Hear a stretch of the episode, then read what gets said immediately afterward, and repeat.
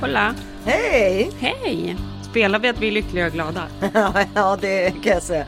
Vi spelar väldigt mycket. Du ser ju, ser jag inte blek ut? Tycker du inte det? Nej, det tycker jag inte. Du har sjukt flottig lins, så det är svårt att avgöra eftersom att ditt ansikte inte ens har konturer. ja, nu ser jag. Jo, ja, nu torkade du av linsen. Okej. Jo, men ja, du kanske lite blek. Enligt Jonas Vramell som jag har pratat med idag så har jag kräksjukan och det var det ni hade också. Men ni fick liksom i er mer utav viruset och därför spydde Mm, ni. men jag kan inte förstå hur jag fick den överhuvudtaget eftersom att Greta bara var här en nyans kort tid. Jag kanske hade något på handen då.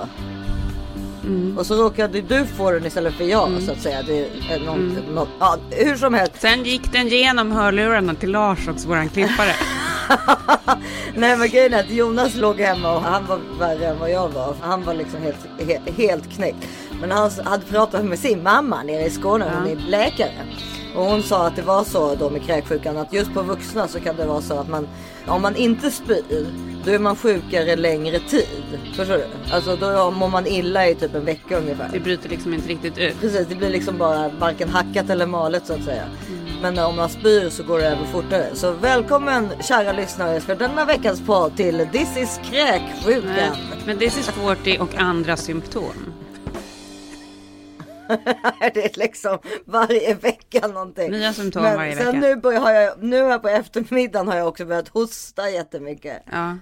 Ja då tänkte jag direkt att nu har jag åkt på omikronen också. Men, Men ja, jag, måste ändå säga så här, vi, vi är ju säkert otroligt så normala standardmänniskor. Så precis som vi har det, har det ju alla andra också såklart. Ja ja ja, nej, men alltså det vet, alla är ju sjuka Så att, på något så att den här sätt. grejen, om den här, att försöka liksom leta reda på så här eh, patient zero med den här kräksjukan, det är ju liksom, alla har ju kräksjukan. Jag hör ju alla som går runt och mår dåligt. Man vill lägga skulden på någon.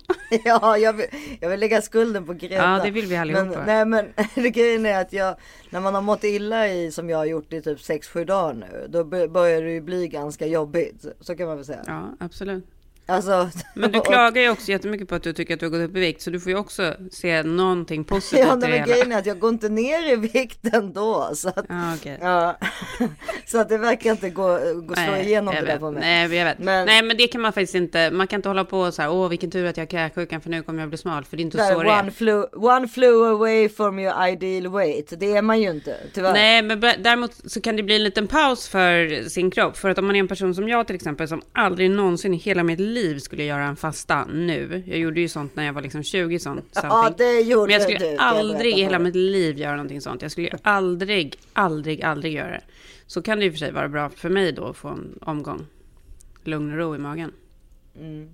Ja, men och här, eh, ja ni hann väl knappt, jo det gjorde ni. Ni, hamn, ni åkte härifrån och sen typ dagen, två dagar efter hamnade vi i karantän för att en kompis till Harry hade varit här och det visade sig att den kompisen hade covid och så vi var ju i karantän i sju dagar, fick, eller fem dagar och fick ju typ inte göra någonting. Fast jag gjorde ju grejer ändå i smyg. Men, men egentligen fick man inte göra någonting. Alla var hemma och gick och då var det ändå lite så här det mysigt. där hade du inte vågat säga för ett år sedan. Hörru. Nej, men, nej, men jag utsätter ju inte någon för fara, men jag var ju liksom runt och gjorde saker. Ja, Fan, Det ja. är klart jag måste fortsätta leva, men jag hade ju mask på mig. Ja, ja. Men hur som helst så var i alla fall karantänen över och alla skulle gå tillbaka till skolan och allt skulle börja på som vanligt i måndags. När Harry testade positivt. Så att nu har Harry covid och nu är vi då i karantän igen. Fast det sköna är att skolan har ändrat policy. Så de har liksom att syskon får gå så länge syskon är vaccinerade och så länge de har munskydd och testar sig och inte har några symptom. Så det känns ju ganska bra. Men Ja, helt otroligt ju. Ja, men det är också så här, det är så jävla sjukt för att resten av samhället ska då, alla andra fall då, förutom när man går till skolan, så ska man sitta i karantän. Doesn't make sense. Ja men det är ingenting som makes sense. Men däremot så, eh, det, jag ville, tyckte att det var lite roligt att vi kunde prata lite om det eftersom jag såg på den här filmen Don't look up. Och den har säkert du sett också, eller hur? Jag lägger ett klipp här. Lägg ett klipp här. This is not real. This is not real. This is not real. This isn't happening. Kate, uh, tell me this isn't really happening. I hear there's uh, something you don't like the looks of. We discovered a very large comet. Oh, good for you. It's headed directly towards Earth. Alltså den är så kul. Nej, men jag gillade Vilket den. klipp här. Ja. Ja. men vilka, alltså, ja men jag älskade den. Ja, det gjorde jag med. Och, vet och det som jag tyckte var så kul var faktiskt så här att för en gångs skull, ja, det är ofta jag ser grejer med barnen som de tycker är så här kul, men det är väldigt sällan som de bara så här, fan den här var verkligen bra. För det tyckte Harry. Han var liksom, han den var right up Ja. his alley. Han gillade den så mycket. Det var right up his alley. Det var right up his Mm. Ja, alley. men typ. den var så kul. Den var så kul för allihopa. Alla vi gillade den otroligt mycket. Men det är så roligt att du säger kul. För det är ju en apokalypsfilm eller vad, vad det nu heter. Ja, det är en undergångsfilm liksom. Bara kul. Alltså är, den är ju satirisk liksom. Ska vi berätta premissen då? Leonardo DiCaprio och eh, Jennifer Lawrence spelar, hon är väl forskarstudent va? Och han är väl eh, professor typ. De håller på att studera rymden och hej och hon upptäcker att det är en, eh, en så kallad world killer på gång mot jorden. En komet. Och så ska de liksom försöka liksom underrätta världen om det här. This is the worst news in the history of humanity. He just blew us off. What are we gonna do? We have to release the information. So we just leak it. Our guests today have made a pretty big discovery in space. How big is this thing, though? And I can't destroy my ex-wife's house. Is that possible? There's a 100% chance that we're all going to die. Hey, hey. hey, Well, the handsome astronomer can come back anytime, but the yelling lady, not so not so much. We're going to get the news out there one way or another. It's real and it's coming. FBI! Jesus Christ, you could have just called me. Men ingenting tas på allvar. För det är liksom en värld där, som bara liksom bygger på att alla nyheter ska vara roliga och det är fake news och liksom så här. Eh, om någonting ska rapporteras om så måste det göras med en glimt i ögat och det måste liksom kännas lite kul för folk orkar inte med. Och det är ju liksom lite Och inga dit- nyheter tas på Det är allvar. det som är det intressanta med eller intressanta och jobbiga med världen just nu ju, är ju att det är alltså förr i tiden, vi säger bara för säg, säg 40 år sedan, då höll vi ju med varandra om det mesta. Alltså Gjorde vi det? visste liksom vad som var, jo men vi visste åtminstone vad som var sant och falskt. Alltså det var så här, Det visste vi. Vi visste vad sant, man, man litade på nyheter. man litade på vad som sades och man Mm. visste vad, och man hade en sorts liksom kärleksfull attityd till sin granne så att säga. Alltså man liksom stöttade varandra mer tror jag. Idag Mm. så misstänker man ju alla och ja, ty- tycker man, man lyssnar bara på det, man är i den där bubblan och lyssnar bara på det, det, de nyheterna som man själv tror på och så vidare. Ja, men inte bara det, utan det är ju också så här att det är de sakerna som kommer upp i ens flöde för att flödet eh, hit, hittar liksom vad du tycker är intressant och då blir det. Ja men precis, man blir, algoritmerna gör att man blir helt dum i huvudet. Och det visar ju den här filmen på också 100%. med den här galningen som är en Elon Musk typ som, som försöker då göra saker för världen. Det är ju det som är så, alltså det är så likt, alltså man förstår, alltså och Meryl Streep spelar ju en total Trump person, alltså hon är ju president och hon är ju som Trump exakt. Fantastiskt bra och Ja, hon rolig, spelar liksom. så bra och liksom har till och med sin son som eh, chief of staff liksom. Alltså precis som Trump skulle eh, egentligen vilja ha liksom. Som spelas av också eh, våran favorit. Ja, Jonah Hill, precis. Ja. Som är, är ju tydligen väldigt divig enligt eh, Hollywood-rapporter. Men, men eh, visst är det tråkigt att höra att han är det. Han ska vara förfärlig att arbeta Men det med. vet vi inte. Det är ganska säkra källor. Fråga med din man så kan vi ta Ja, det. ja, men jag, hur som helst så Han tycker jag han är en skitbra skådis. Han gick ut där att man inte fick prata om hans eh, komplex för hans vikt för några veckor sedan. Det pratade vi väl om då? Mm, väl? Ja, men eh, då i alla fall. Så att det, det, men jag tycker till exempel då med liksom det här som kommer med omikron eller med alltså alla de här varianterna. Folk, där, folk har ju slutat lyssna på specialisterna där också. Alltså man, Mm. man, man lyssnar inte på epidemiolo- epidemiologerna. Gud vilka svåra ord vi rör oss vid. Ja, verkligen.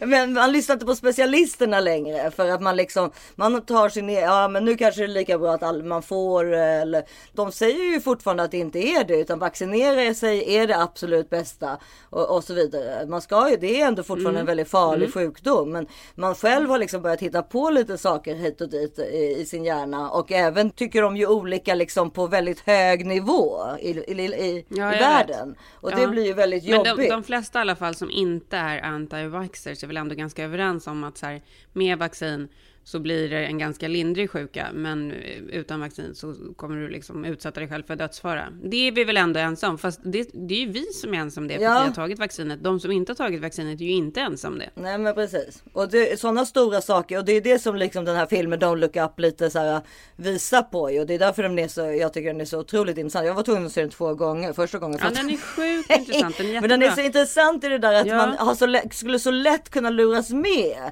Mm. Om det var, det här, I den här fallet så är det ju en komet som ska komma inom, eh, på se, sex månader och 14 Mm. dagar och tre timmar. Och liksom på de där sex månaderna så fluffas det ut till, till slut att inte liksom, eh, hälften av världen tror ju inte på det. Typ kampanjen är titta inte upp, så slipper du se det. Och sen helt plötsligt så är det någon som tittar upp och då ser de kometen. Och sen Ja. så är det ju då det här som vi kommer, man måste komma fram till också som jag tycker, som vi, nu hoppas jag att det inte är för mycket spoilers men, men alltså att det är liksom verkligen i slutändan det lilla som betyder någonting. Ja, mm. Alltså sitta och äta middag ihop med sin familj eller alltså det visar den ju på också. Ja, Den är, alltså, den är så otroligt bra, så fin. Mm. Eh, Vilka skådisar, alltså, återigen Leonardo DiCaprio, alltså snälla människa. Mm. Underbar. Alltså hur bra är han? Meryl. Streep, Kate och man, och man Blanchett. kan ju inte heller hjälpa att hela tiden också tänka på hans här intresse för miljö och planeten. Exakt. Nej, det är en perfekt roll för honom ju. Han har varit med på något sätt och liksom Ja. Jag tycker det är en perfekt roll för honom. väldigt medvetet, liksom- ja, men han har gjort ett sjukt medvetet val Ja, såklart. och eh, Jennifer Lawrence, Timothée Chalamet, Kate Blanchett, helt otrolig. Mm, så de har liksom gjort om på ett, eh, se- så hon ser ännu mer, eller hon ser ju inte amerikansk ut i vanliga fall, men hon ser väldigt ut som en amerikansk nyhetsankare. Men är, alltså hennes kropp, förlåt om jag är ytlig nu, men det är fan det snyggaste jag har Mm, sett. jag. Jävlar vad hon är sexig i de här. Eh, men och, och kanske en av de helt ännu mer otroliga sakerna är ju ännu en gång att det här är våran kompis Linus som har filmat Ja. den som... Eh, och jag, det, han som har vet- gjort dem så här snygga, för Ja. Meryl Streep är ju också så jävla snygg. Men hon är ju Ja. jättesnygg. Jo fast, eh, fast hon är så rolig för hon kan ju spela så ful. Och Ja. den här gången har de ju gjort henne väldigt snygg. Liksom. Ja, men han har gjort ett otroligt jobb i alla fall. Eh, och jag, den spelades ju också in när pandemin var som värst, så att det var inte liksom lätt. Ja men precis. Men hur som helst, den är jävligt intressant och det är intressant hela, hela grejen är ju intressant. Men jag vet inte Issa, vad gör vi liksom? Igår hamnade jag också på en, någon artikel om mängden av eh, plast just nu. Eh, hur mycket extra plast det är nu som ska slängas överallt på grund av alla test, alla handskar, alla Ja, just masker. såklart, där, ja. där. Och så är det så här, jaha okej, vi förbjöd plastsugrören, men tillbaka är ju alla plastkassar, all annan jävla plastskit. Det är mer plast än någonsin som ska slängas och för typ aldrig någonsin kunna göras någonting med. Mm. Var är vi? Vad gör vi? Vad ska vi? Hur ska vi tänka? Jag hade ju pandemidepression igår, fast idag har jag liksom gått vidare. ja, men det, jag har ju det hela tiden eftersom jag är lite sjuk. Då blir man ju, då har man ju, då är man ju närmare här katastroftankar. Ja. Men grejen är att, eh, alltså, jag, eh, alltså eftersom jag har den här lilla kräksjukan då, som, eller som jag inte kräks av, men som jag bara går omkring och mår illa hela tiden. Eh, Jag vet inte vad man ska göra, men jag tror i alla fall att man ska försöka läsa på så mycket som möjligt på olika, alltså ta reda på fakta liksom ordentligt om man eh, vill veta någonting. Alltså inte bara, alltså det har vi pratat om förut, men även sådana som inte är antivaxare börjar ju nu bli misstänksamma mot, äh, mot vaccinet på grund, alltså även bara, alltså media gör ju en stor roll i det här också, att de kan skriva liksom till exempel så här dubbla antal smittade i Sverige på ett dygn och sen nedanför jag fick vaccinet och sen fick jag det nästa dag. Alltså, du vet, alltså det är så dumt att skriva så. Alltså, Exakt. alltså, att jag, alltså det är väl bättre att, så här, nu vet vi ju att vaccinet Men vi verkar- vet ju också vilken typ av press som skriver så. Det är ju inte DN som skriver Jo så. men, jo, men, ty, alltså, men ändå, okej Aftonbladet och Expressen, men ändå liksom. Jag menar, det säger ju forskarna till oss. Mm. Om vi tar vaccin så, så kommer vi förmodligen inte dö utav detta i alla fall. Nej.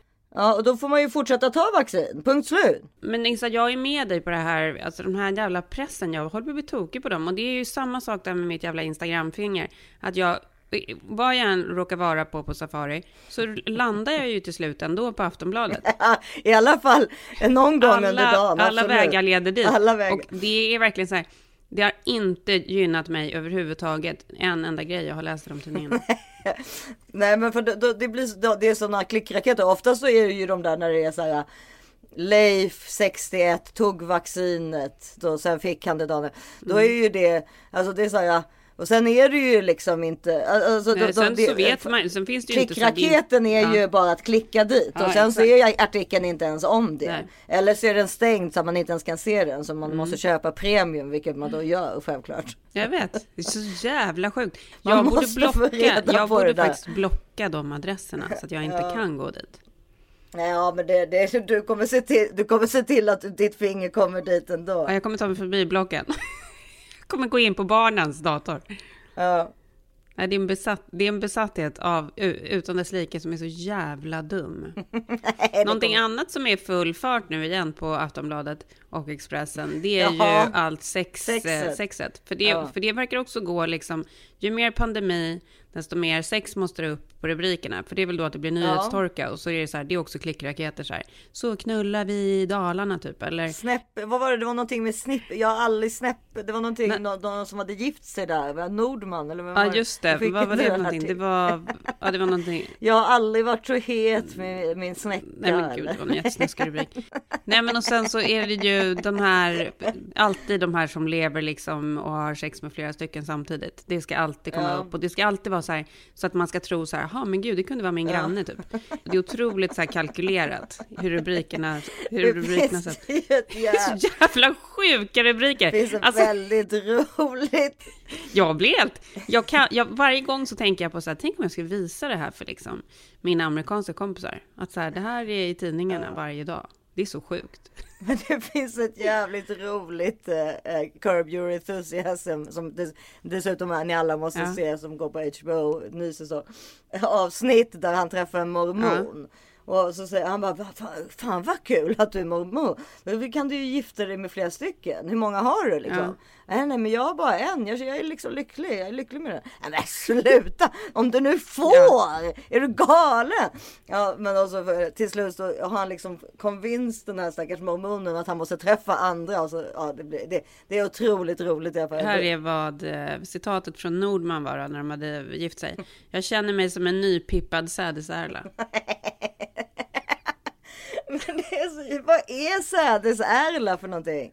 Men det är ju en sån där liten fågel, svartvit, som typ flyger, flyger under bryggor ofta. Vi har jättemycket på ön. Nordman alltså.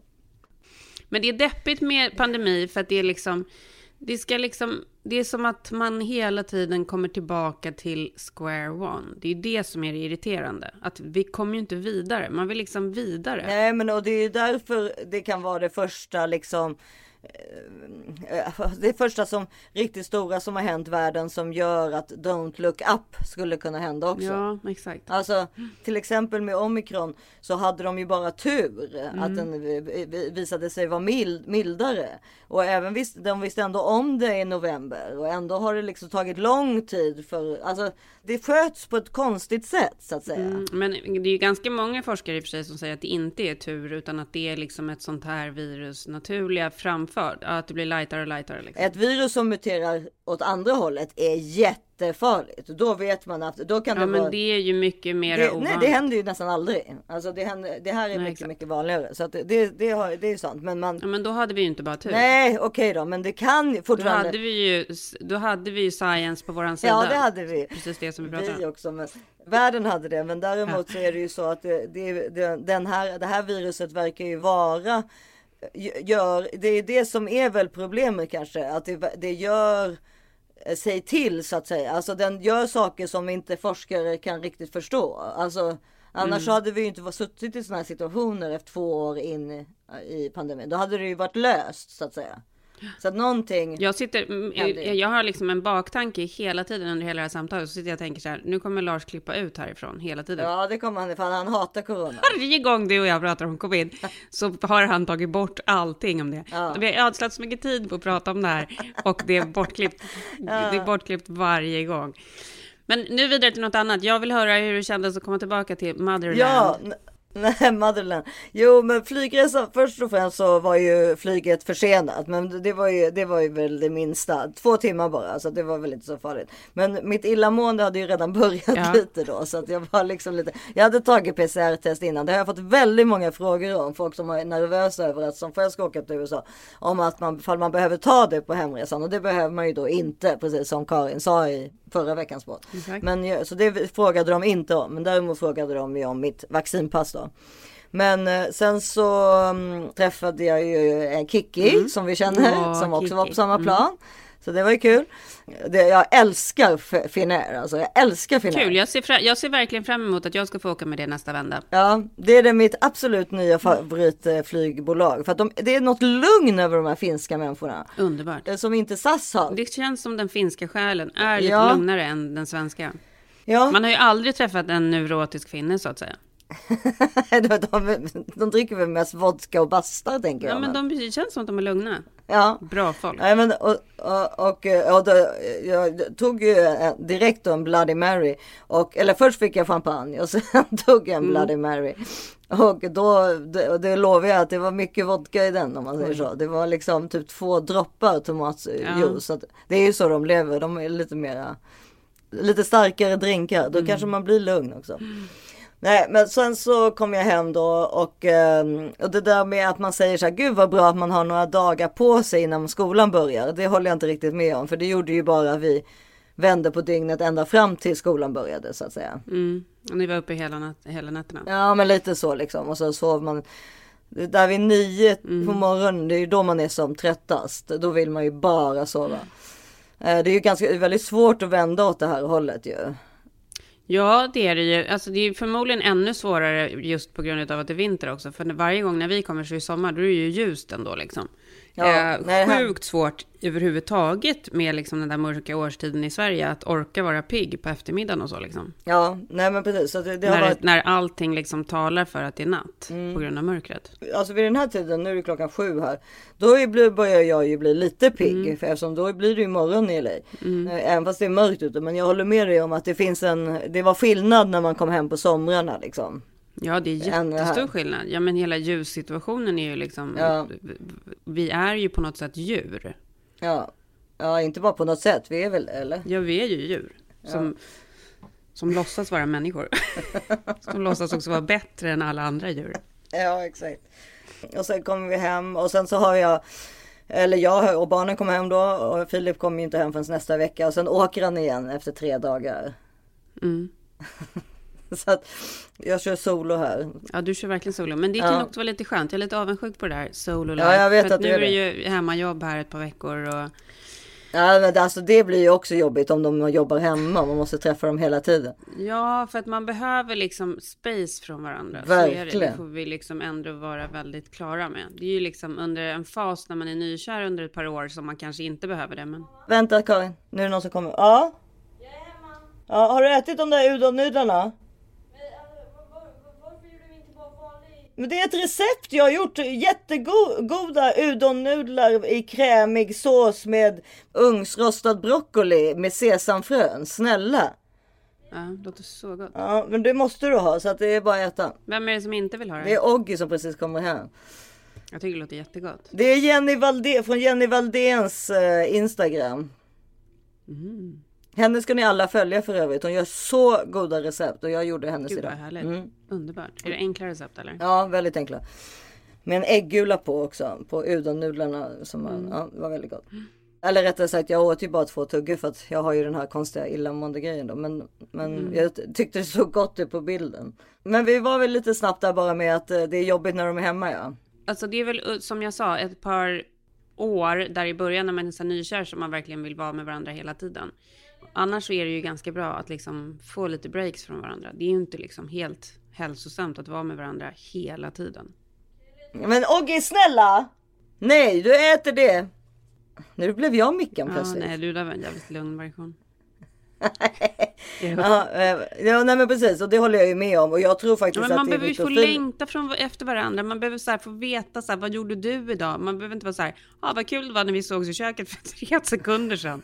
Ah, ska du ta någonting i kylskåpet? Det ska jag också. Ja, nu är den på Så toa. irriterande. Hela alltså. tiden veta liksom exakt vad den andra gör. Så osexigt. Det är jätteosexigt. Nej, men för att det, det, det är så. Det är ju så alla måste leva Ja. nu. Alltså, nu ska de ju jobba hemma igen också. Det är jättetråkigt för alla. Det är så tråkigt för precis nej, alla. det är liksom ingen så här.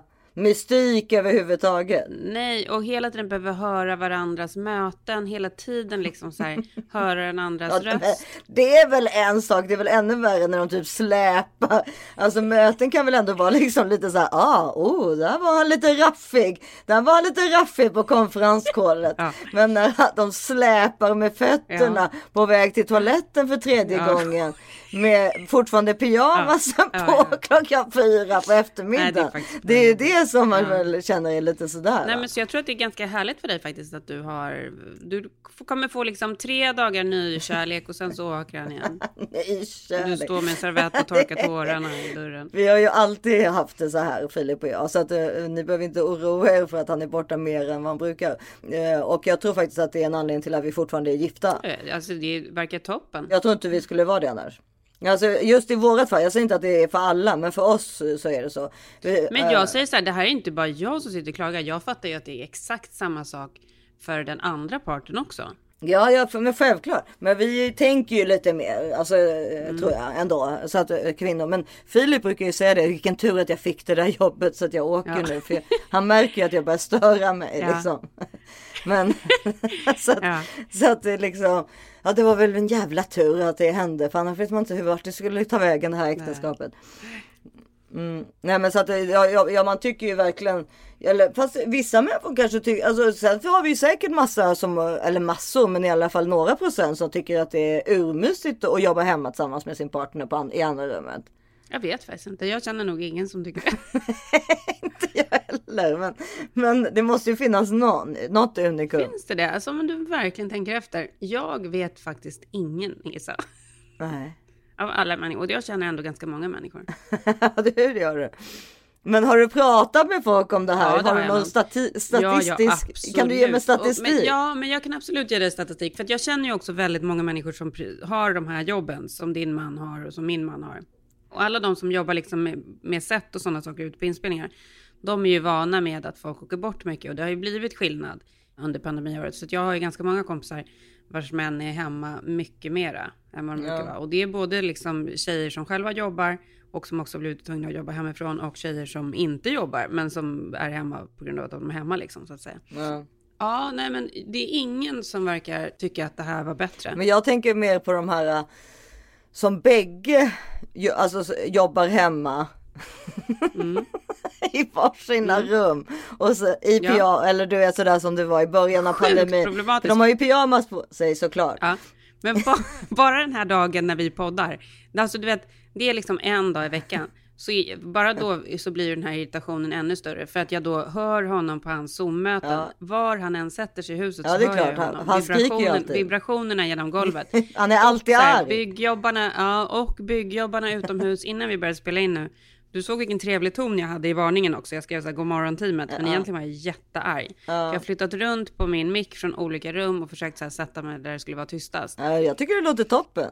Jag har inte hört någonting. Jag har inte ens hört Henrik skrika ännu. Så han kanske är lugn idag. Ja, men, äh, ja, men Ja men du vet, du vet de där två, det där paret som sitter hemma liksom i villan i Stocksund. Mm. Liksom. Eller var som helst. Som egentligen liksom brukar hänga inne i stan och käka lunch på Sturehof med Mm. Exakt. sin eh, gamla killkompis från skolan.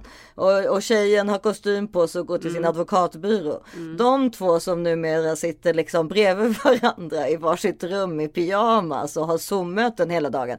För grejen är att och det är så här bråk om vem som ska få gårdagens Vem ska- rester ska få det bästa går- rummet? Nej, men Nej, om vem- gårdagens rester i kylskåpet. Ja, det är för det första. Sen vem ska få det härligaste Mm. rummet? Kaffet, är så här, kaffemjölken i slutet Ja, har du satt på kaffet? vänta. Har du satt på kaffet är till så- teammötet? Ja, du vet. Dålig stämning. Ja. Ja, och så bråk hela tiden. Mm. Och sen, vem ska hämta ungarna? Nej men det går inte för normalt sett så finns det ju någon rutin liksom Ja, ja. för man går till ett arbete. Och där kan man då vara irriterad på sin chef som säger du kan inte gå Mm. nu eller liknande. Men nu måste man då bara bråka med sin partner om det här. Ja det är ett jätteproblem. Det är det. Det, är ett måste vara ett jätteproblem. Ja, men det är ju ett Ja, då är det bättre att ha det som mig och inte att vara, vara gift fast inte ha någon hemma. Ja, men det är perfekt. Men det är det jag säger, det är helt perfekt. Perfekt! Den här tiden så tror jag att det är ganska bra. faktiskt. Ja, ja, nej men alltså det, det, för oss är det bra, men jag tror inte att alla skulle klara av det liksom. Men både jag och barnen och Filip har ju vant sig och hundarna. Ja. Hundarna tycker nog att det är ganska skönt när pa- pappa är borta. För pappa är så jobbig Ja. mot hundarna. Ja. Varför? Alltså han, han alltid väcker dem och ska leka med dem och sådär. Det är väl gulligt? Ja du vet. Det är väldigt gulligt men du vet, du tänk dig själv om du är som bara som människa om man, man hela tiden skulle liksom, du vet man låg och sov. Nej, men hundarna älskar ju det där. De kan ju inte få nog av Kjell. Nej, nej, nej, nej, BNS är inte så förtjust när han kommer och, alltså han tror ju det. Men jag märker ju att han, hon, äh, hon jag, alltså BNS. Filip tror att BNS tycker att det är kul. Ja, men men äh. BNS är alltid, för att han alltid när Filip är hemma så lägger, lägger hon sig under sängen. Så att hon knappt kan komma ut. Det är så trångt. Det är så trångt. Gömmer sig alltså. Ja, så, och, och då har vi kallat det för att hon har private time. För att Ja. hon alltid, all, alltid sedan hon kom till oss har hon gjort detta liksom. Mm. Hon behöver, du vet det är så stökigt hemma hos oss eftersom vi har så alltså stökigt med mycket ljud och så Mm. eftersom det är så mycket barn och hundar och så. Så, så framförallt förut, alltså för några år sedan när de var ännu mindre barnen. Men då så, så det var gulligt och hon behöver sin egen tid liksom. Mm. Men sen har jag ju kommit på nu att hon gör aldrig det när Filip inte är hemma. Nej, det är från honom. Så det är för att hon tycker att han är jobbig Ja. såklart. Ja, och du vet, så han vill ju bara ge henne kärlek. Varje gång han ringer så här, får jag se, få titta på hundarna, får jag titta på hundarna? Gud så roligt. Ja, alltså. det- ja, han är tokig och ska prata om de här hundarna och fråga vad de har, hur bajset såg ut. Och... Nej men sluta. Jag är en liten hund som ingen bryr sig om. Jag får ligga i kojan. Varenda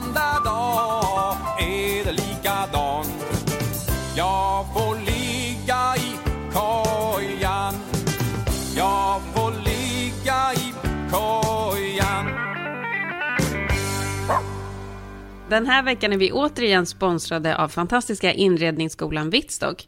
Det var ju ett litet stund sedan som vi pratade om dem i podden, men vi tänkte att det kunde vara kul att uppdatera er kring hur det går. Hur går det för dig? Jo, men jag tycker liksom att jag har lärt mig väldigt mycket om hur, alltså med hjälp av saker jag har hemma, att placera om dem på andra ställen och göra rummet liksom snyggare på det sättet. Alltså att jag inte behöver köpa nytt och så vidare. Nej, och det, det är ganska bra för plånboken. Senast i morse var det så här, sa Henrik till mig, han bara, skäms du inte över hur mycket nytt du köper?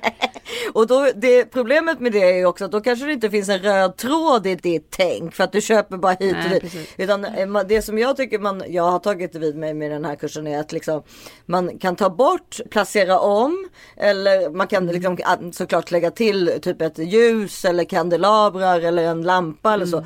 Men med de stora sakerna man har, kanske till och med man kan, om man har en soffa i ett rum eller liksom en stol som inte passar någonstans så kanske den passar jättebra i ett annat rum. Man, men man har inte förstått det liksom. Så, så kände jag att jag på något sätt har fått ut av den här homestyling-kursen. Jag måste faktiskt säga en grej som jag tycker är ett av de mest positiva sakerna med det här. Nu har vi pratat mycket i det här avsnittet också om att jobba, vara hemma och, och så. Att det är väldigt, väldigt kul och bra att man kan ta de här kurserna på distans. Att du kan sitta precis var som helst. Jag höll ju på med moodboards när vi satt upp i stugan nu i, i julhelgen. Ja, moodboard. Ja, men på väg upp till stugan den här helgen igen Mm. och känner nu att nu är det dags liksom att kasta ut allt det, alltid rutiga och köra lite mer vårinspirerad inredning och tar mycket med mig från eh, vad jag har lärt mig på inredningsskolan Vittstock. Jag tycker verkligen att det här är toppenkurser att ta och kan verkligen rekommendera alla att ansöka. Nu är nästa kursstart den 1 februari, så jag vill verkligen att ni ska passa på er och unna det här. För varje år man lever så är det så himla kul att lära sig något nytt. Och man, man är liksom aldrig fullärd inom någonting. Så är det verkligen. Det är ju helt fascinerande. Oavsett om man är hobbyinredare eller vill jobba med det här professionellt så är det här 100 gånger värt att göra. Med våran kod thisis40, thisis40 så får ni 10% rabatt. Gå in på inredningsskolanvittstock.com och läs mer. Ja, inredningsskolanvittstock.com och stay curious som vi brukar säga. Lär er mer saker. 100% gör det. Kram!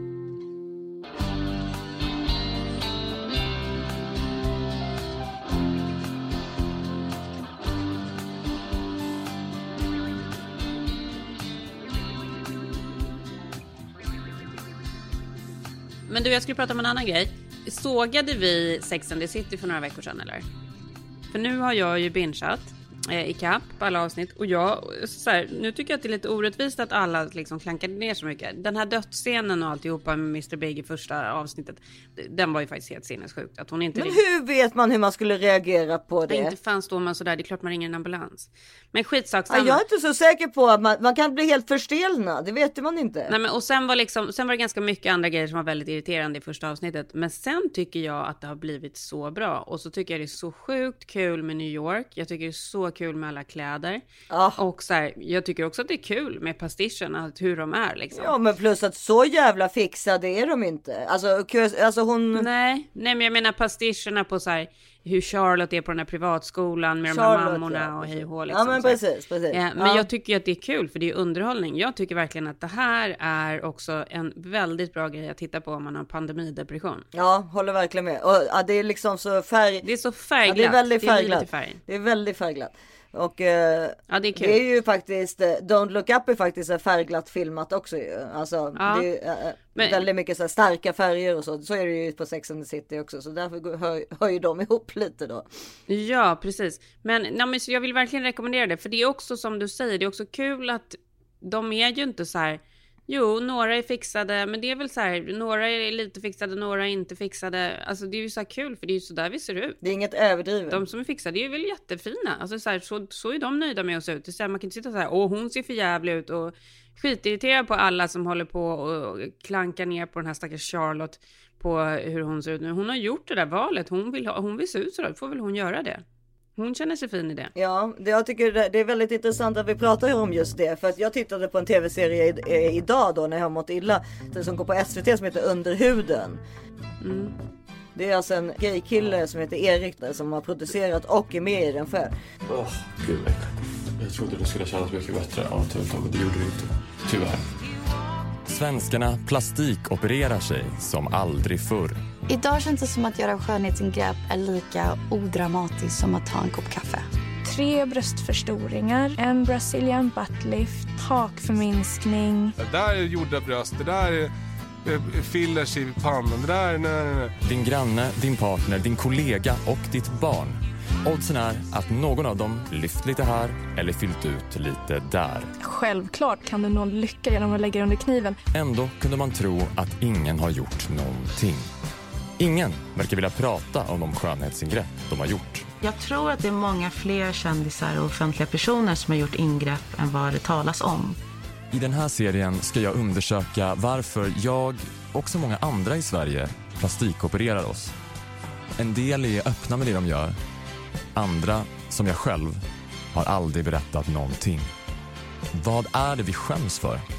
Vad är priset för att jaga det perfekta utseendet? Och vad händer egentligen när vi lägger oss under kniven i hemlighet? Och då var jag tvungen att, då, det var därför jag pratade med Jonas Ramell, eller ringde honom. För jag var tvungen Mm. att fråga honom lite om ifall han höll med om det som de pratade För det handlar ju såklart. Vad pratar Nej, du men om? under huden, det, eller under kniven heter den såklart. Under kniven.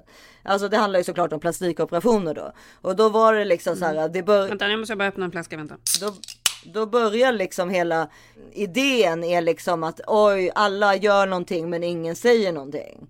Och jag, jag håller inte med om det överhuvudtaget. Jag har inga... Vi, vi, vi, har- vi har ju typ sagt allt vi har gjort. Ja. Det var ju tio år sedan man inte sa någonting om sånt. verkligen. nu säger ju alla vad de har gjort. Det är typ nästan ett Ja, skryt verkligen. vad man har gjort ju. Ja. Alltså skulle man ju nästan kunna säga. Så att det, det där premissen blev lite konstig. Men däremot så... Ja, men det finns väl några få som inte säger, men det är väl också så här. Who the fuck cares? Det är väl, alltså så här, det är väl deras issue. Om de inte vill berätta om det, behöver de inte berätta om det. Ja, men han är ju väldigt ung den här killen. Det är Erik. Han har dessutom varit tillsammans med geniet som är med i serien också. Okej. Alltså Fredrik Söderholm. Så att eh, Erik eh, eh, började liksom operera sig väldigt tidigt och har skämts för det, framför, inte berättat det, inte förstått att alla har sett det. Förstår du? Alltså, utan han har och inte berättat det för sina föräldrar bland annat som han har jättenära kontakt med. Så det är liksom lite vad serien går ut på. Att han, man får följa honom men sen följer man även andra människor. Som, Men vad har han gjort då som inte ens har synts att inte ens föräldrarna har kunnat se det? Jo, men det har ju syns ju som fan. Men de, alltså de har väl föräldrar, han har, han har sagt till föräldrarna att han har gjort botox och fillers. Men han har inte sagt att han har gjort riktiga plastikoperationer. Han har gjort allt. Han har gjort Mm. allt. Näsa, kä- käkben, mun. Ja, eh, ja, han är skitsnygg. Eh, Liksom, alltså, Mm. han, man ser ju att han är gjord. Men då, då går han igenom det. Liksom. Och sen så får man träffa andra människor som gör olika operationer. Då. En som gör näsan och en som gör en mommy makeover. Mm. Jävligt hardcore alltså. Du vet näsa. Alltså, eh, en som gör en hårtransplantation. Det är så intressant. Mm. Varför är det intressant för? Det tar sju timmar att göra en hårtransplantation. Ja, det kan jag förstå, för du måste flytta hår, hårstrå från hårstrå. Du tar då från där du har hår så En tar hårsäck. du hårsäckarna. Ifrån, för inga hårsäckar är helt döda liksom. Men du måste få dem vid liv igen liksom. Och då måste du ta hårsäckar från där du har hår. Och det tar du liksom manuellt en och en. Sen måste du sätta dem i en liten så här, grej som de lever i. Medan du liksom sätter, gör hål på där du, där du inte har hår längre liksom. Och de hålen kan ju inte vara helt, de måste ju gå åt olika håll för att håret går ju inte rakt. Förstår du? Så att det ska se bra ut liksom. Så det är ett jätte, en jätteprocess att göra det. Och sen ska de här in, innan de förhoppningsvis då har dött i det här vattnet Ja, liksom. Och den här killen som gjorde det, han, ja, det har bara, bara kommit ut fyra avsnitt så man har inte sett he- exakt hur det, Det ser ut ännu. Det ser- här ska jag titta Ja på. men det var faktiskt, och det var ju spännande att se även när de gjorde den här mommy makeovern. För att det var liksom så, alltså du vet när de stoppar in det här röret i halsen på eh, tjejen och hur de liksom bara vänder upp och ner på magen och brösten. Vadå alltså, vänder det är upp och ner på magen? Nej men du vet de skär upp med magen och drar. Ja, jag har ju gjort en liten tummy tuck. Ja men jag har ju Ja. också gjort det. Så att jag, jag, det är därför jag bara säger, har jag varit med om det här? Men vad Förstår menar du? du röret i halsen? Du menar narkosläkaren? Ja fast alla när man gör en mommy makeover då är man ju nedsövd så länge. Det är då man får rör i halsen så då andas man ju artificiellt. Men vadå, det har man väl alltid om man är opererad? Har man ett rör i halsen? Ja inte om du gör en kort anestesi, alltså typ. eh, Nej, men om du ska, om du ska sövas liksom. Ja, in- inte om du ska göra på typ en halvtimme, då får du inte rör i halsen. Men om det är, är sådär stor som en mommy makeover, då. Ja, så, till och med när jag opererade min jävla lilltå i så, så hade jag ett rör i halsen. Ja, men inte jag till exempel när jag tog bort mina eh, visdomständer när jag var sövd bara i 15 minuter eller 20 minuter. Då får man inte det till exempel. Alltså jag pratade nämligen med, med min doktor efter jag hade gjort min mommy makeover. Och då så hade jag vetat att jag inte hade, hade att jag inte skulle andas själv i sju timmar. Då hade jag nog inte gjort det. Nej. Jag visste inte det. Hur var din mommy makeover? Den var ett par år före min. Jag är besviken på den. Varför då? Varför? Ja men därför, för det första så gjorde de ju alldeles för stora bröst på mig. Så jag sa, jag sa till honom så här, jag vill ha så små bröst som möjligt som blir proportionerligt. Och jag fick aldrig se en bild eller någonting. Alltså det här är ändå i Beverly Hills. Är du säker på att du sa det till honom verkligen? Ja, hundra procent. Jag hade ju inte ens tänkt att göra brösten. Det var ju bara för att några kompisar sa till mig så här, ja men om du, för jag hade ju så här, typ som ett, eftersom jag har ju, ju, för, haft så många barn liksom, och, och fyra kejsarsnitt dessutom. Så hade jag liksom som ett väck och som en påse liksom. På, magen blev som en, ja du, du har ju sett det så, men ni förstår vad jag menar alla ni som har gjort kejsarsnitt i alla fall. Nej men så här, alltså så här, grejen är den att det, har man liksom fött många barn, har magen tänts ut många gånger så är det ju väldigt vanligt att huden blir sladdrig. Det är ju liksom så det är. Och sen på Ja, en men det del här så var mer än det. Ja, på en del så töjs det ännu mer än på andra. Det finns ju folk som har fyra barn som inte får jättesladdrigt. Min var rynkig liksom. Nej, din var jättesnygg, men min var inte sladdrig. Min var som en kängurupåse som hängde, alltså ärret liksom. över, överflödig hud liksom. Ja, och sen så dessutom så var ju musklerna då, eh, eh, Isär. de behövde ju sy ihop mina mu- magmuskler. Och det gjorde de på den här tjejen här också. Ja, det gjorde de ju inte på mig. För mig var det bara att huden var Ja, men rynkig. precis. Men, de tog inga att- muskler liksom.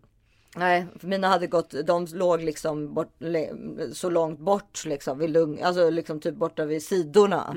eh, På grund av att de hade tänts ut så många gånger då. Och det är inte bra. Nej det är inte bra. Så att då så, mm, ja så det, det, det, var, det var jag däremot väldigt nöjd med de här att musklerna. För då kunde jag ju börja träna på ett annat sätt också. Exakt, exakt. Men eh, däremot när jag vaknade upp ifrån, eh, jag såg direkt liksom att mina eh, tuttar var för stora. Men sen så nästa dag då så skulle han titta på mig. Då tog han ju, öppnade han ju upp så här. Jag bara tittade ner. Det finns en bild på det. Den kan jag ju tyvärr inte lägga ut på nätet för det, jag är helt naken.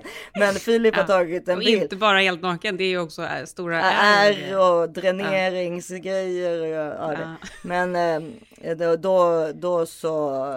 Eh, ehm, Ja nej men där, där jag var, men skojar du med mig? Alltså det var så stora tuttar så att det var något helt sinnessjukt. Och de är jättestora. Så det... Nej det är de inte. Jag tycker de är jättefina. Nej men de är ganska, de, alltså när jag är naken och så tycker jag det är ganska snyggt. För det är tyvärr proportionerligt. Ja för det är lite det det är. Det, om man ändå gör det då får det väl ändå bli liksom proportionerligt liksom. Ja men samtidigt så när jag har kläder då, då känner jag mig alltid stor. För att jag har då de här stora brösten som jag inte hade innan.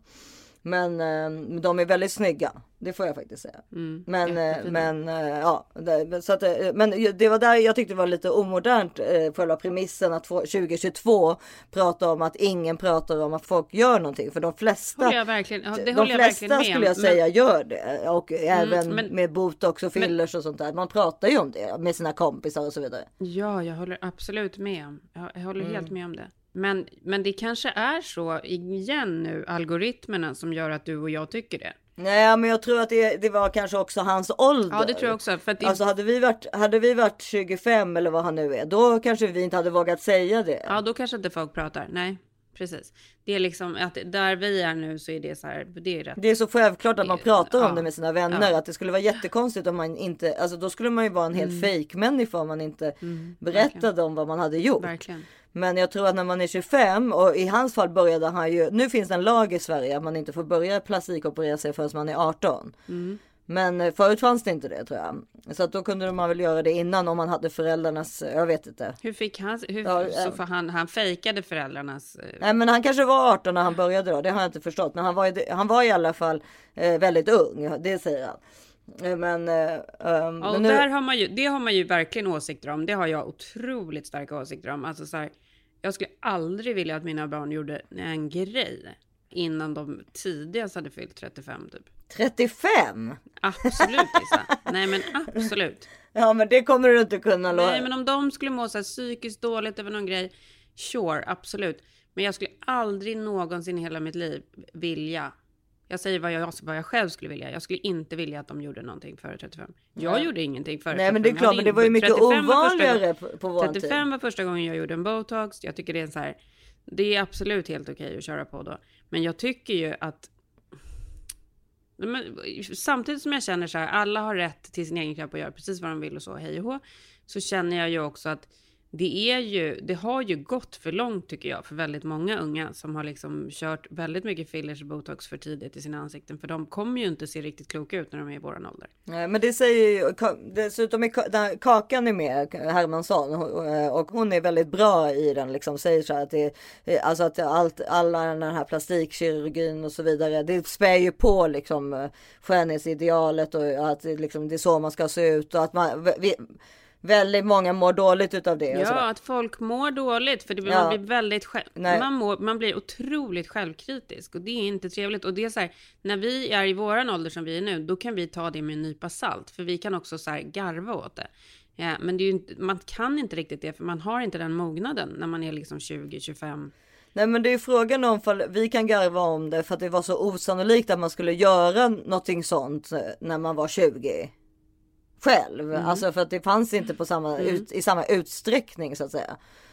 Eller hur? Nej. Men där, däremot våra barn ser ju det hela tiden. De ser ju aldrig en normal människa.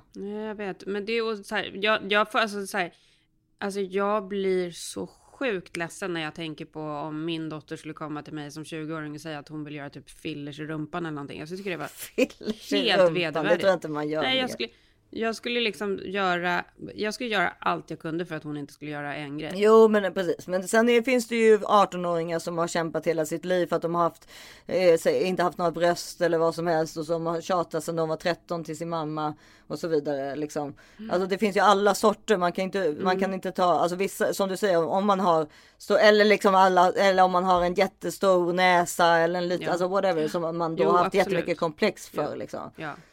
Jo men det håller jag med om. Men sen, men sen tycker jag då alla de här, men det handlar ju igen än en gång om algoritmerna, de som dyker upp i mitt flöde, alla så unga tjejer som ser ut som en och samma person, som alla har Ja, alla ut som Kim Kardashian. näsor, Kim Kardashian, läppar, Kim Kardashian, kinder, Kim Mm. Kardashian, hit och dit och det.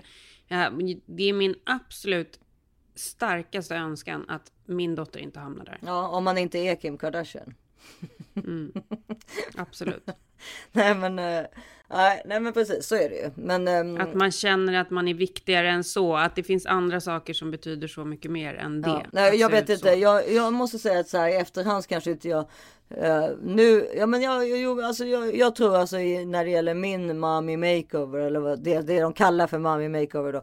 Ja, jag är inte helt hundra på för att jag skulle ha gjort det alltså om idag. Jag vet inte riktigt. Jag, jag eh, vad det gäller min mommy makeover så kan jag känna att eh, jag hade så här otroliga komplex för min mage. Ja, det hade jag också. Innan jag ens, innan jag ens fick barn, vilket är helt sjukt. Jaha. Eh, jo, Mm. men det, jag tyckte nog att jag liksom... Kommer inte jag ihåg. pra- det, var inte så, det var inte jättekomplex. Jag gick ju runt i bikinisar och så. Eh, men jag var inte liksom helt nöjd med den. Eh, men sen mi med liksom ett barn, ett barn till och sen ett barn till och så tre kejsarsnitt. Nej men den var fortfarande helt okej. Du, hade, du har alltid, alltså, du har haft, som fulast kropp har du haft när du var som, eh, när jag lärde känna dig. Sen dess har du haft Men gud jättefin kropp. hemskt att du säger så. så. Jag hade ful kropp när jag var Det 20. är väl jättebra. Du har ju gått, nej men du var ju mycket mer, du var ju lite chubby då. Sen dess har ju Så du, sen, Pilatesen gör ju liksom underverk, så är det verkligen. Och den mår väldigt bra. Jag har ju aldrig så lite ont i ryggen som nu för tiden. Nej men det är bra. Det är det därför, det är det som är, det är ju toppen. Och det gör ju även när man gör den här mommy makeover när man har, ja de du tog ju bort 10 centimeter hud på mig till exempel. Det är 10 centimeter, jättemycket, det ja. är jävligt mycket som bara hängde över. Ja, det är liksom. väldigt mycket. Men det, är, men det är ju ganska vanligt. Alltså, så här, det känner vi ju Ja, flera tror stycken som har, har varit Ja, verkligen. göra. Liksom. Det är ingen heller som berättar när man ska få sitt första barn att man kommer få 10 Nej. centimeter extra hud. För det händer Nej. inte alla heller. Så vi ska inte säga så. Nej. Det är värt det också alla gånger om med alla de här barnen. Ja det är Eh, klart det. Och sen så behöver man ju, alltså sen så, ja. Men nej, jag, skulle, därför- jag vill i alla fall säga att jag ångrar inte min eh, tummy tack. Jag tycker den känns jättefin och jättebra. Jag är väldigt nöjd med den. Ja vad bra. Du har jättefin kropp Karin. Men det var en jävligt jobbig operation. Det var det ju liksom. Jättejobbig, Hemsk jättejobbig, hemskt. Sån otroligt jobbig återhämtning alltså. Min, min var ju jobbig för att jag fick den där. Jag skulle nog säga att det var liksom inte själva snittet som var liksom min jobbiga återhämtning. Min jobbiga återhämtning var ju den där sinnessjuka allergireaktionen jag fick. Kommer du ihåg den? Gud vad jag Ja, mycket det. allergireaktioner. Det måste ju vara något Ja fel det på får mig. du. Nej men för ja. jag fick ju en för man måste ju ha en korsett i typ ett par månader nästan. Ja, Eh, och den, jag fick en reaktion på den där korsetten redan liksom dag tre. Som var, alltså jag fick ju som, det såg ut som brännskador på huden. Det hade liksom ingenting med såren att göra eller någonting, utan det var, det hade liksom, det var att huden reagerade på korsetten. Jag har jävligt känslig hud. Ja, nej men det, det, det, det är en, det, en mommy makeover är en jätteoperation. Ja, det är det verkligen. Som krä, och det, det visas de också i den här serien som eh, där jag tyckte det faktiskt var väldigt intressant att se vad man själv hade gått igenom. Mm. Och hur det liksom så här eh, vilken risk för infektioner så man har så mycket hål i hela kroppen. Så det finns ju så mycket risker med det liksom. Så att det är en jätte jätte eh, operation som man verkligen ska tänka efter såklart innan man eh, gör. Du, absolut, ja, men det tycker jag så här, i våra fall så hade vi väl ändå gjort det. Man hade tränat och gjort vad man kunde liksom. Gud, ja precis. Det var ju inte någon, alltså precis. Det var ju absolut. inte en genväg så att säga. Nej. Men det tycker jag är Nej. samma sak med den här andra grejen som det varit mycket debatt om också nu på slutet. Med eh, att folk tror att så här, kejsarsnitt är ett genväg. Kejsarsnitt är absolut ingen genväg ut genom, en- liksom, en- genom en förlossning. Det är en riktig jävla återhämtning efter det också. Den är ju ännu sjukare för det är ju sju lager som har sprättats upp. Ja, fast det är det väl. Ja, precis. Ja. Snillen spekulerar.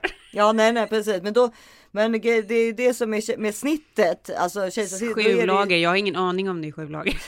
ja, vad är det?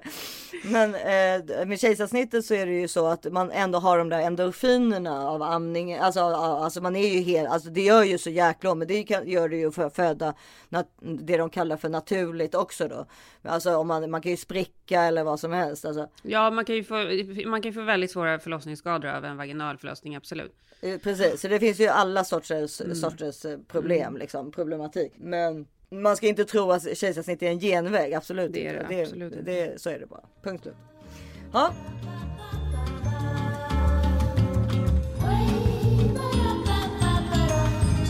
Beauty! Yes. Chanel. Alltså det älskar vi. Ja.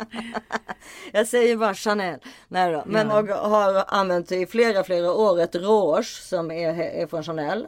Mm. Som heter, och det är färgen In Love. Oj, den har inte jag provat. För jag har också kört mycket Chanel Rouge Jaha. genom åren. Okej, den är Får lite se så här. Nej, men just den här är slut. Men jag har en annan i min, i min Är det, necessär. är det mer peachy eller? Ja, den är precis. Den är lite peachy. Ja.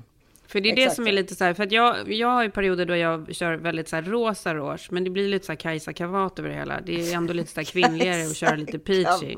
Ja, men den här In Love är så fin. Det är lite peach, eh, rosa, glittrig, Mm. vacker. Mycket vacker. Så det är att rekommendera. Chanel och den heter då In Love sa du? In Love, nummer 55. Bra, då ska vi köpa den. Du, eh, Men Bea håller på och eh, om, det, om Lars hör det så håller Bea på och skäller utanför dörren. För nu är hon, längtar hon efter mami. Ja, det, det är inte som när papp, det är inte som när pappi är hemma. Tills ni hör oss igen nästa vecka hittar ni oss på Instagram som This is 40 podd och jag finns som Karin Bastin. Ja, och jag heter Isabelle Monfrini. Puss och kram! Hej då! Hej! Every day is so wonderful, and suddenly it's hard to breathe. Now and then I get insecure from all the pain. I'm so ashamed.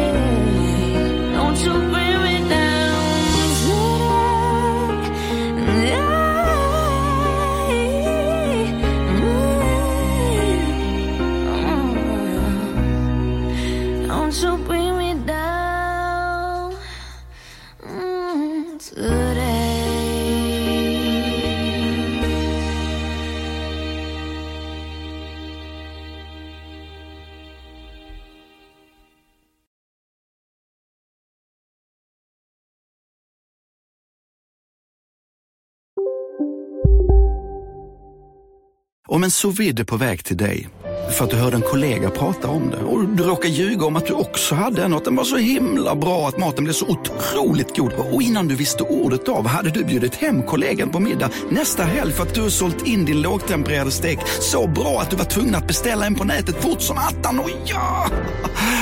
Då finns det i alla fall flera smarta sätt att beställa hem din sous vide på. Som till våra paketboxar. Placerade på en plats nära dig och tillgängliga dygnet runt. Hälsningar Postnord. Ja, Hallå? Pizzeria Grandiosa? Jag vill ha en Grandiosa capriciosa och en pepperoni. haha, något mer? Med kaffefilter. Ja, Okej, ses samma. Grandiosa, hela Sveriges hempizza. Den med mycket på. Känner du igen en riktigt smart deal när du hör den? Träolja från 90 kronor burken. Byggmax. Var smart. Handla billigt.